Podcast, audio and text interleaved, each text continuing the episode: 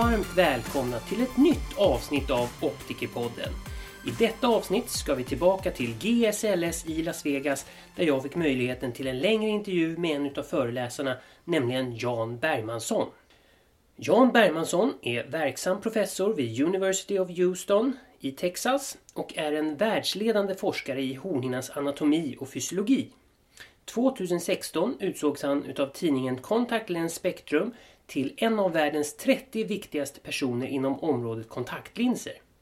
Jan Bergmansson kommer bland annat berätta om sin resa från ett hantverksyrke i Sverige till det terapeutiska vårdyrke han har idag i USA. Nu kör vi igång! Då säger jag Hej Jan och välkommen till Optikerpodden! Okej, tackar. Många lyssnare vet ju säkert, eller har hört talas om dig, men du kan väl ändå ge en liten presentation om vem du är? Jag är född uh, stockholmare och växte upp där och uh, sen var jag inte så skicklig i skolan så att uh, det var inte så många högskolor som skulle ta hand om mig. Och, eller utbilda mig. Och i alla fall, jag hade en pappa som var den som startade Bausch Lomb i eh, Norden. Och han sa till mig att du kan ju alltid börja med att bli en optiker. Och jag sa att ja, men det inblandar ju inte så mycket studier utan det är mer hantverk. Och då sa han att eh, men de tjänar bra med pengar. Och eh, du kan ju börja med det. Sen har jag hört om en utbildning i England. Och om du tycker det skulle vara roligt att studera mer så kan du åka dit. Men det var så det hände. Alltså jag gick igenom eh, optikerskolan i Vällingby. Kurs A, B och C och så sluttentamen och allt det där. Men i alla fall. Eh, sen så gjorde jag värnplikten. Jag tillhörde det kungliga eh, kavalleriet. Okay. Men jag hamnade i, av olika Bland annat att jag gick in på optik. Handlade jag i, inom ett berg i Sollefteå. Vilket är tråkigaste tiden i mitt liv. Oj då. Ja, därför jag var ju inlåst i berget och mellan sju och fem. Och eh, så det var mörkt när jag gick in och mörkt när jag gick ut. Så jag såg bara solen eh, på helgerna. Och maten var dålig och jag var ensam. så att det var inte så roligt. Det gick åt ungefär fyra, fem år på det där. Optikerutbildningen och värnplikten. Det var i och för sig något bortkastad tid för min del. Men eh, jag eh, mognade till lite grann. Jag blev lite mer medveten om att man måste göra någonting vettigt i livet. Eh, så när jag kom in på Englands eh, universitet, the City University, eh, då var jag en av de mest fokuserade och blev en av de bästa studenterna. Uh, för jag tog allvarligt på det här och jag ville att det skulle gå bra. Att jag skulle klara mig. Och då var Beatles på gång. Och Rolling Stones hade kommit igång också. Så det var en rolig tid i London. Det var ju alltså centrum för popkulturen. Så i alla fall, men jag, min plan var att jag skulle sköta studierna och komma tillbaka så fort som möjligt till Sverige. Bland annat med anledning av att mitt stora intresse var eh, rallykörning och eh, bil, eh, biltävling. Körde på frusna eh, sjöar och, och, på banor. Det blev inte så länge i och med att jag flyttade till England men jag tyckte att eh, universitetslivet i England var fenomenalt roligt, intressant och eh, eh, sen när det började gå mot sitt slut var jag inte färdig att flytta ut från universitetet så att jag fortsatte med eh, studier mot PhD. Den första svensken gick igenom sån här utlandsutbildning, speciellt England. Och eh, sen blev jag den första svensk med en doktorsgrad, PhD. Okay. Hur lång var utbildningen i England? Ja, det är tre år. Tre år på universitetet plus eh, ytterligare ett år kliniskt år. Så görs utanför universitetet. I Amerika jämförsbart så är utbildningen också fyra år. Men det här fjärde kliniska året görs inom eh, universitetets eh, översikt. Inte på universitetet nödvändigtvis, men det görs för, det måste du göra för att få din eh, Doctor of Optometry. Utöver det så i Amerika har man också lagt på en och en halv sommartermin. Så det är stort sett en femårig Mm. utbildning i Amerika, men man gör det på fyra år. Så England var eh, lik i och med att de har en fyraårsutbildning. Och England faktiskt var eh, framför Amerika inom optometrin eh, med att eh, man på ett tidigt stadium fick diagnostiska eh, drugs. Och vi också hade möjlighet eller eh, privilegiet, eh, rättigheten att använda antibiotika och anti- anti-glaucoma läkemedel. Att använda som första insats. Så om du har någon som kommer in med en uh, keratit kan du alltså uh, ge, förse patienten med de första dropparna. Sen går de vidare till en specialist. Så vi kunde göra det i England men uh, det kunde man inte i Amerika när jag kom dit på uh, 75. Okej. Eh, Så jag var i England stort sett nästan tio år. Och, men sen har alltså Amerikan kommit igång ordentligt. De fick diagnostic drugs och sen har vi fått therapeutic eh, drugs i eh, två omgångar stort sett. Nu har vi alltså till, sen 20 år har vi tillgång till alla ögonformuleringar. Plus att vi har tillgång till oral, oral drugs, piller. Och i eh, vissa stater kan du använda laser för eh, refractive surgery och eh, ja, efter katarakten eh, och sådana saker. Så det, det är en stor skillnad mellan Amerika idag och resten av världen. Okej. Till och med England. Så att jag hade turen att gå till England där de var före och sen kom jag till Amerika och nu har vi gått före där. Men det är inte om att vara först men det är alltså möjligheten att förse patienten med bästa vården. Mm. Så jag, som exempel har jag en eh, kamrat från min eh, eh, läroverkstid som eh, um, han eh, utbildade en um, Fuchs endothel dystrofi. Fuchs endothelial dystrophy. Och eh, han kunde få en diagnos här i Sverige. Så, så han kom till Amerika och vi kunde alltså berätta vad det är för någonting han har och vad som behövs göras. Och det är ju lite synd att man inte kan göra bättre i Sverige. Så det är lite av eh, vad jag har gått igenom. Men eh, det att jag kan göra mer är ju alltså definitivt bättre för patienten. Och tillfredsställande för mig också att kunna vara en bättre praktiker till min patient. De kan komma till mig och jag tar hand om allting. Stort Okej. sett. Hur ser en vanlig dag ut för dig eller en vanlig vecka ut för dig? Ja, en vanlig vecka inblandar många olika moment. Och det är ju bland annat det som gör det hela eh, roligt vecka efter vecka. Eh, så jag gör inte samma sak varje dag hela tiden. Utan inom en, loppet av en vecka så eh, har jag ett antal föreläsningar. Sen har jag eh, utbildningsklinik klinik där vi tränar nästa generation stort sett. Sen har jag varit där så länge så att jag har jag får mycket patienter som är remitterade till mig, reference, Okej. referred patients. Eh, Det heter remittera på Mm. svenska. Och det håller igång en cornea and contact lens fellow. Som jag tränar då i att eh, bli specialiserad inom området av complex corneas och advanced contact lens management. Så, eh, så då har vi det kliniska. Sen har jag en eh, forskning som pågår eh, året runt. Eh, Kom ihåg det att i Amerika har man alltså valt att arbeta mer för att tjäna mer pengar. Eh, och ta mindre ledigt Så i Sverige har man alltså tagit motsatta riktningen. Det är ingen som har fel eller rätt utan det är, man gör vad man vill. Va? Men i Sverige har du alltså eh, fem, sex veckors semester eh, ledigt. Mm.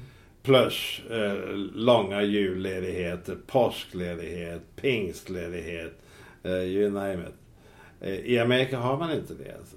Eh, så att jag la, la av nu kanske 22 december och sen eh, var jag igång igen i början på det året. Men jag kunde lika gärna jobbat eh, mellandagarna också. Mm.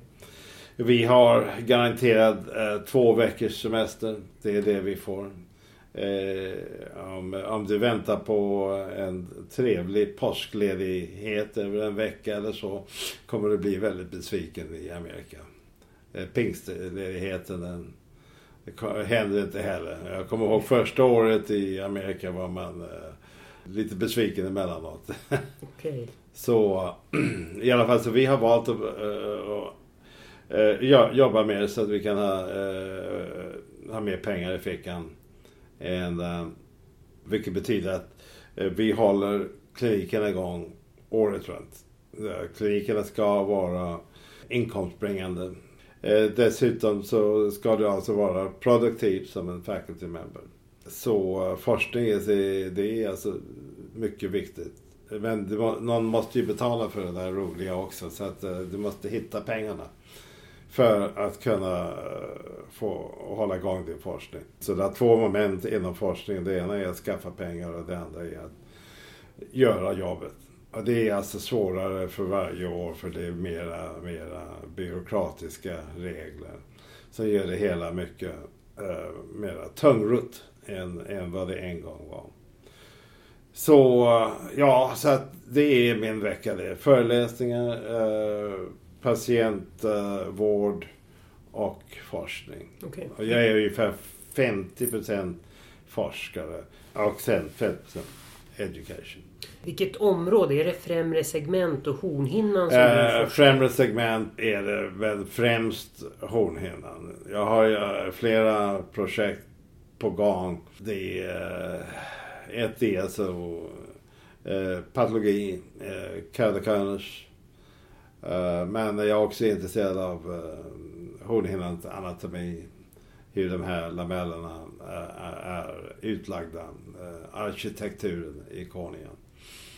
Och, eh, men sen har jag drivit något vid sidan av kornean i och med att jag var intresserad och blev intresserad av limbus. Det kommer ifrån att inom sklerala linser så ska alltså linsen äh, läggas utan att nödda kornean och limbus. Men hur stor är den ytan då, eh, med limbus? Och det är inte med det att ingen har mätt det där alla anatomiböcker som publiceras idag, inklusive min egen bok, säger att är 11.7 by 10.6. 11 11,7 gånger 10,6. Men varför har alla, och det kommer jag att nämna här eh, om en, ja, på fredag imorgon. morgon. Eh, hur kommer det sig att alla anatomiböcker har samma nummer?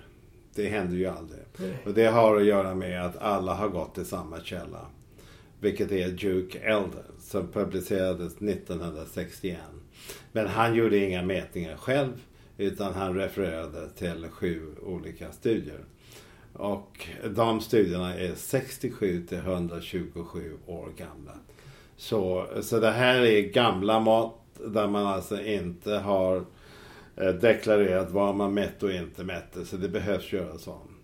Eh, och det visade sig att Lembus, det, det jag sa nu, det är Konia, Och Lembus, eh, alla böcker har en siffra på någonting mellan 1 och 2 millimeter i vidd.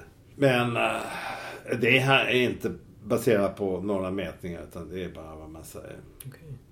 Så att jag började titta på det här eh, därför att eh, Lembers eh, man måste alltså definiera vad är det för någonting vi ska mäta och inte mäta. Och eh, det visade sig att eh, det här området är av stort intresse också för glaukoma praktiker, forskare och så vidare. Och, eh, min senaste artikel idag i, eh, i Review Optometry, ja, det är om eh, den här nya tekniken eller proceduren kallad MIGS. Minimally Invasive Glaucoma Surgery. För där har man alltså eh, som princip lägger in ett litet rör, stent på engelska. Som alltså ska tillåta kammarvätskan att gå från anterior chamber, främre kammaren och sen in i kanal och slam. Men kanal och slam är alltid mindre än det här röret, så hur fungerar det? Det visar sig att uh, tillverkarna har eh, missinformerat folket. De har alltså delgivit sitt önsketänkande med praktiker. Så att det är, det är vissa problem, men utan tvekan, eh, uh, MEGS fungerar. Men det fungerar inte på det viset man har tänkt sig eller föreslagit. Så vi är inne för att, eh, och det jag försöker göra är att klargöra vad som eh, är realiteterna mellan eh, de anatomiska strukturerna man träffar i det här området. Dessutom poängtera då att det man föreslagit är inte realistiskt. Det är alltså inte möjligt att det kan fungera på det viset. Så, så att jag har alltså vandrat utanför koningen. Okay. Men det är okej. Okay. Sen har jag eh, också forskat på konjunktiven. Vi har ju publications på, eh, på ögonlocket också. Så det har varit i stort sett nästan var som helst. Plus att jag gör den här anatomiboken. Det ska jag alltså deklarera eller beskriva hela ögat. Inte bara de delar jag är intresserad av. Okay. Men det här blir din andra bok eller är det... Det är en bok som jag börjar med för ett kvarts sekel sedan. Okay. Men sen har jag alltså challenge myself med att förnya boken, uppdatera boken varje år. Och det är, det är stort arbete. Ja, så, så nu har, igår kom 26 edition. Eh, år ut. Så att, eh, så att det, det, är mycket arbete men det är, det är en enda bok. Jag börjar med det därför att därför att alla böcker, anatomiböcker, filosofiböcker, vad det än är. Alla böcker blir out of date. Mm. Och jag börjar med boken därför att vi inte hade bra up to date litteratur. Och då om jag kör igång med en bok så blir den up-to-date snabbt nog. Så att eh, det var väl stimula eh, stimulationen till att förnya den varje år. Men första boken var ju alltså inte fullständig och eh, undermålig i, i vissa delar. Så att, men genom åren har jag kunnat förbättra den. Så att nu är det alltså en uh, den behandlar alla delar av ögonen eh, lika väl stort sett. Kanske en viss betoning på anterior segment men det finns ingen del som inte fått tillräcklig beskrivning. Tillräcklig med um, information. Och det här är, är faktiskt enda anatomi and fysiologiboken. Enda bok som inom uh, ögat är engagerad i anatomi och fysiologi. Så eh, jag använder, jag använder uh, co-authors, biförfattare, säger man det på svenska? Mm. Ja. Jag använder andra co-authors, particularly in uh, fysiologin därför att jag är mer en anatomist pathologist än physiologist. Så, så att uh, på så vis har jag material, har en viss uh, jämnhet i och med att det är experter som skriver här uh, i varje del av boken. Okay. Så, men sen, ett av mina problem är att University of Houston tycker det är besvärligt med professorer som producera någonting studenterna skulle vilja ha. För det är alltså en potentiell uh, conflict of interest. Därför att jag kunde, kunde alltså gå ut och sälja boken och tjäna pengar på det. Och om jag gör det och studenten måste ha boken och jag tar lite för mycket pengar då är det inte så bra. Så att vad jag gör är så att jag producerar boken och sen uh, går jag till uh, läkemedelsindustrin och säger till dem köp den här boken till mina studenter. Köp den för dem. De behöver boken och det är bättre om de inte behöver köpa den. Så stöd utbildning. Och det har jag fått stöd av Alcom de senaste 5-6 åren. Och hoppas på att få det också detta år. Okay. Studenterna har redan fått boken. Okay. så så de, är, de är happy.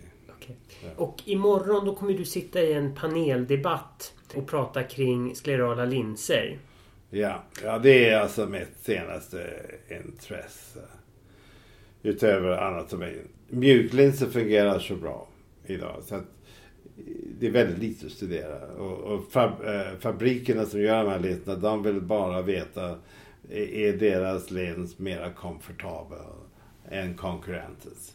Och det tycker jag är sådär lagom roligt eh, att studera. Det är, alltså, det är inte någon brinnande fråga kan man säga.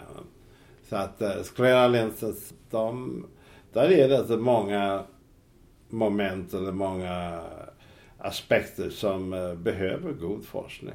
Okay. Uh, så att, uh, jag är intresserad av patologi de, och diagnostik. Så att jag håller på med, med det jag är engagerad i en kliniskt också. Okay. Okay. De har alltså bett mig om att, att beskriva hur sklerala linsen påverkar ögats morfologi eh, och i particular physiology. Okay. Så att jag kommer att engagera dem i tre uh, olika moment. Det ena är alltså ocular dimensions som jag nu beskrivit. Att vi vet inte dem. Vi försöker bestämma hur stor linsen ska vara men vi vet inte hur stor korgen är. mm. uh, så den, det andra är alltså frågan om den sklerala linsen har ju blivit anklagad för att orsaka kornealödem. Räknar man på det här teoretiskt så kunde man eh, eventuellt hamna på den sidan att det blir eh, en eh, hypoxic environment när man bär en eh, lens. Men eh, är det verkligen vad som händer? För det, i, inom praktiken när vi ser patienter ser vi inte ögon med stor märkbar eh, svullnad eller ökad tjock, tjocklek. Så, uh, så det är en viss um, konflikt där med informationen. Clean, eh, uh, teori mot uh, praktik. Så det är en sak som jag Uh, och det kan jag väl säga här. Så att, uh, en sak som jag kommer ta fram är att en, en av de senaste noterbara studierna inom litteraturen poängterar att när man tittar på syretillförseln till kornien Eh, att det är den enda bestämmande faktorn i hur kornien eh, beter sig. Så är det att eh, göra det hela frågan alldeles för enkel. Utan man behöver betrakta andra faktorer som spelar in. Det är det senaste i tänkandet här. Så eventuellt kan det vara en bättre förklaring till äh, än, äh, än den teoretiska äh, framstående, äh, vad heter det på svenska, fram, fram ja, den senaste litteraturen har Uh, den är faktiskt ganska ny i sig själva. Som säger att kornea blir för hypoxic syrebrist. Men det allra senaste är att Berlin har vi tittat på det för enkelt. Okay. Tredje delen är den här anklagelsen att, eller oron för att den sklerala linsen har en höjande effekt på intraokulära trycket.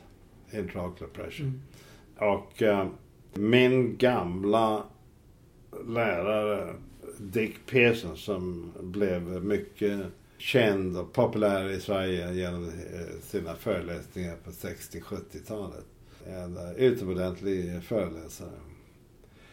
Han poängterade att eh, även om det här nu har kommit igång nu eh, efter det att eh, Charles McManus föreslog att eh, eventuellt skulle de här linserna eh, som sitter alltså på eh, den perifera delen av kornien eller limbus skulle ha en effekt på intraokulära trycket Eh, och dämpa utflödet och genom detta höja trycket. Men då har min eh, före detta lärare Dick Pearson, han poängterade att den här oron är lika gammal som linsen själv. Och scleral lenses kom igång på 1880-talet. Så det här är alltså en gammal fråga. Och har man inte hittat bevis på 150 år så kanske det inte är så mycket i det. Men det jag kommer att göra är att uh, jag kommer att poängtera två saker och uh, agerar som uh, personer som har lite insikt i anatomin och fysiologin av området. Alla, och det är två saker som jag poängterar eh, och kommer att poängtera. Det, är, det ena är att Eh, tonometret som man använder sig för att mäta trycket är, eh, de har etablerats, alltså tonometrarna är kalibrerade på korgen. Och de här mätningarna, om de ska vara gjorda, måste alltså göras medan man bär kontaktlinserna, de här sklerallinserna. Och då måste du sätta tonometern över skleran. På samma ställe som det är mätt, mätt tidigare strukturen i skleran är ju väldigt olik den i konungen. Jag kommer att visa bilder på okay. den olikheten. Så att, eh, det är något eh, optimistiskt att tro att eh, biomechanics eh, är samma för konungen och skleran. Eh, med största sannolikhet är det inte det. Alltså. Och det andra är att eh, eh kammarväskan alltså kan lämna ögat på fyra olika sätt. Du har, du har det conjunctival venous plexus, scleral venous plexus, uh, ciliary body venous plexus och juvioscleral outflow. Okay. Som svenska forskare påvisade. Det är fyra olika möjliga vägar att dirigera den här kammarväskan. Så om det blir lite svårt att komma ut en väg, vad tror du kommer att hända? Det, ja. kommer, det kommer att flyta ut lite eh, mera på de andra. Så det är det jag tror händer. Så man har alltså inte tänkt igenom det här riktigt. Och, och, och det är svårt att experimentellt analysera det, eh, det hela. För du har inte instrument som kan göra ett bra arbete. Och dessutom så, så vore det ju bra om man kunde alltså mäta utflödet genom de olika vägarna. Men det har man hittills inte kunnat göra med uh, flöde. Det är svårt att säga hur mycket går, går den vägen. Och hur mycket går de andra tre vägarna. Så att det är ingen som har liksom kunnat säga det. Det är bland annat beroende på hur högt tryck du har inom eh, eh venens cirkulation. Så, ja, så det är det jag kommer att tala om. Okay, okay. Uh, ja, nu, nu sa ju du att du skulle iväg här klockan 16 och nu är ju klockan 16 här. Ja, ja, ja, eh, så att, kan vi ta en sista fråga bara? Ja, ja. Har du någonting du kan säga till Sveriges optiker? Har du något budskap till Sveriges optiker? Finns det någonting som de skulle kunna göra bättre som du ser det? Ja, det jag tycker man ska göra är att bestämma sig för vad man vill vara. Eh, man kan vara en eh, eh, optiker som tillpassar moderna, senaste mode glasögon.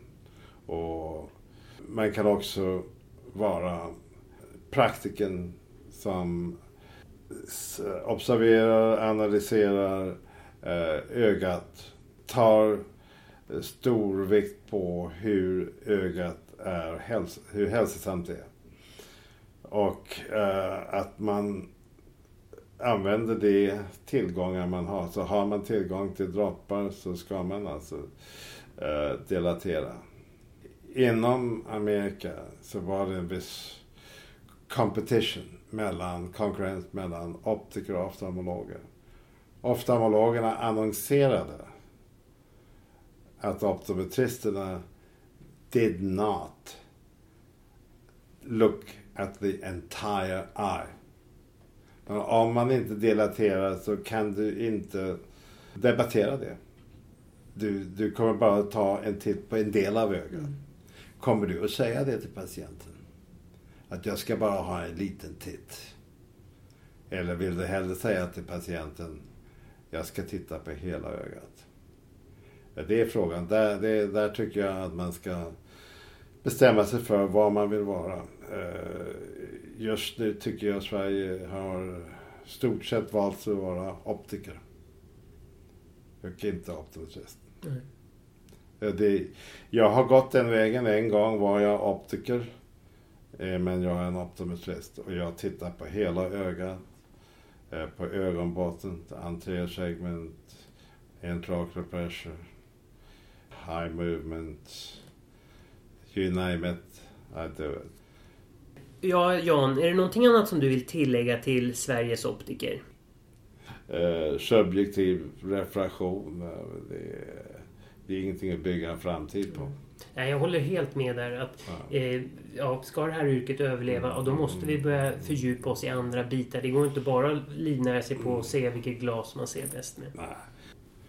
Tillfredsställelsen från att uh, behandla en sjukdom. Sometimes uh, behandlar vi det vi åstadkommer. När det blir alltså en complication från uh, uh, kontaktlinspärren, då kanske vi orsakade den. Det är ju bra om vi kunde ta hand om det också. Ja, absolut. Ja, så att, uh, då har det, sen har det alltså oro, oroheten om internet. Nu kan du ju köpa glasögon, bifokala glas, progressive glas på internet.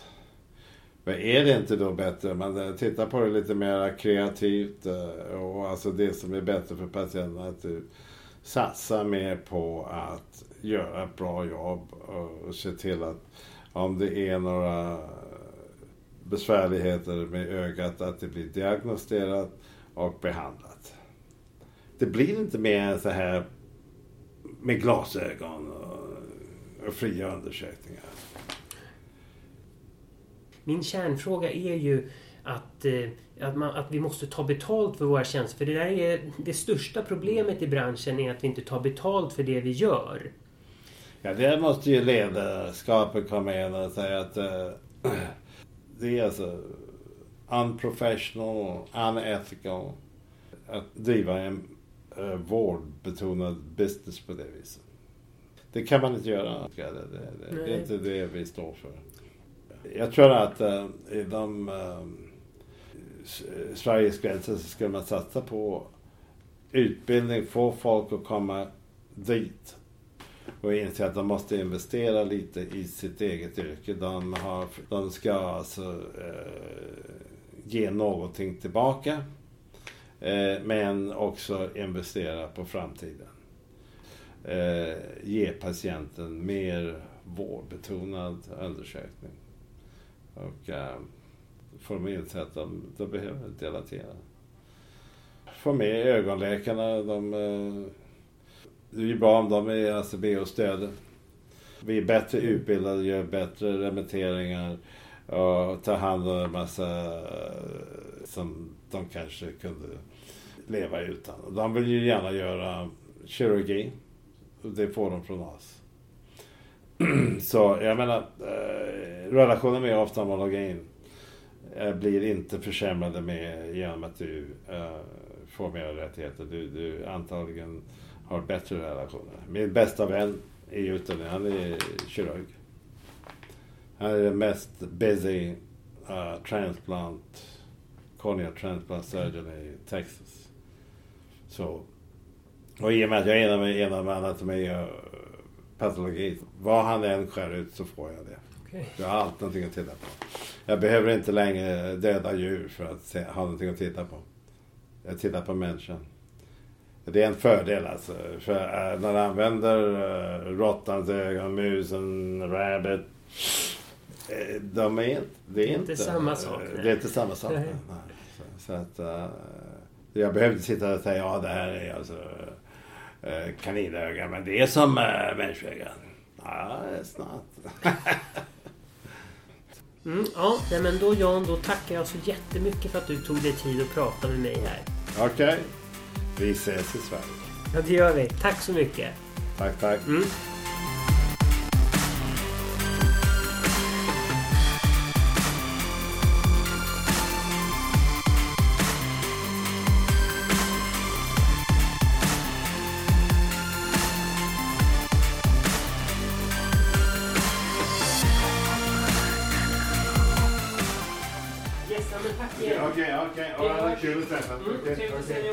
Kontakt. okej? Ja, absolut. Vi hörs. Vi ses imorgon. Jag kommer att lyssna på dig imorgon. Jaha, ja, ja, ja. ja. Jag jag höra på engelska eh, också? Det är för tidigt.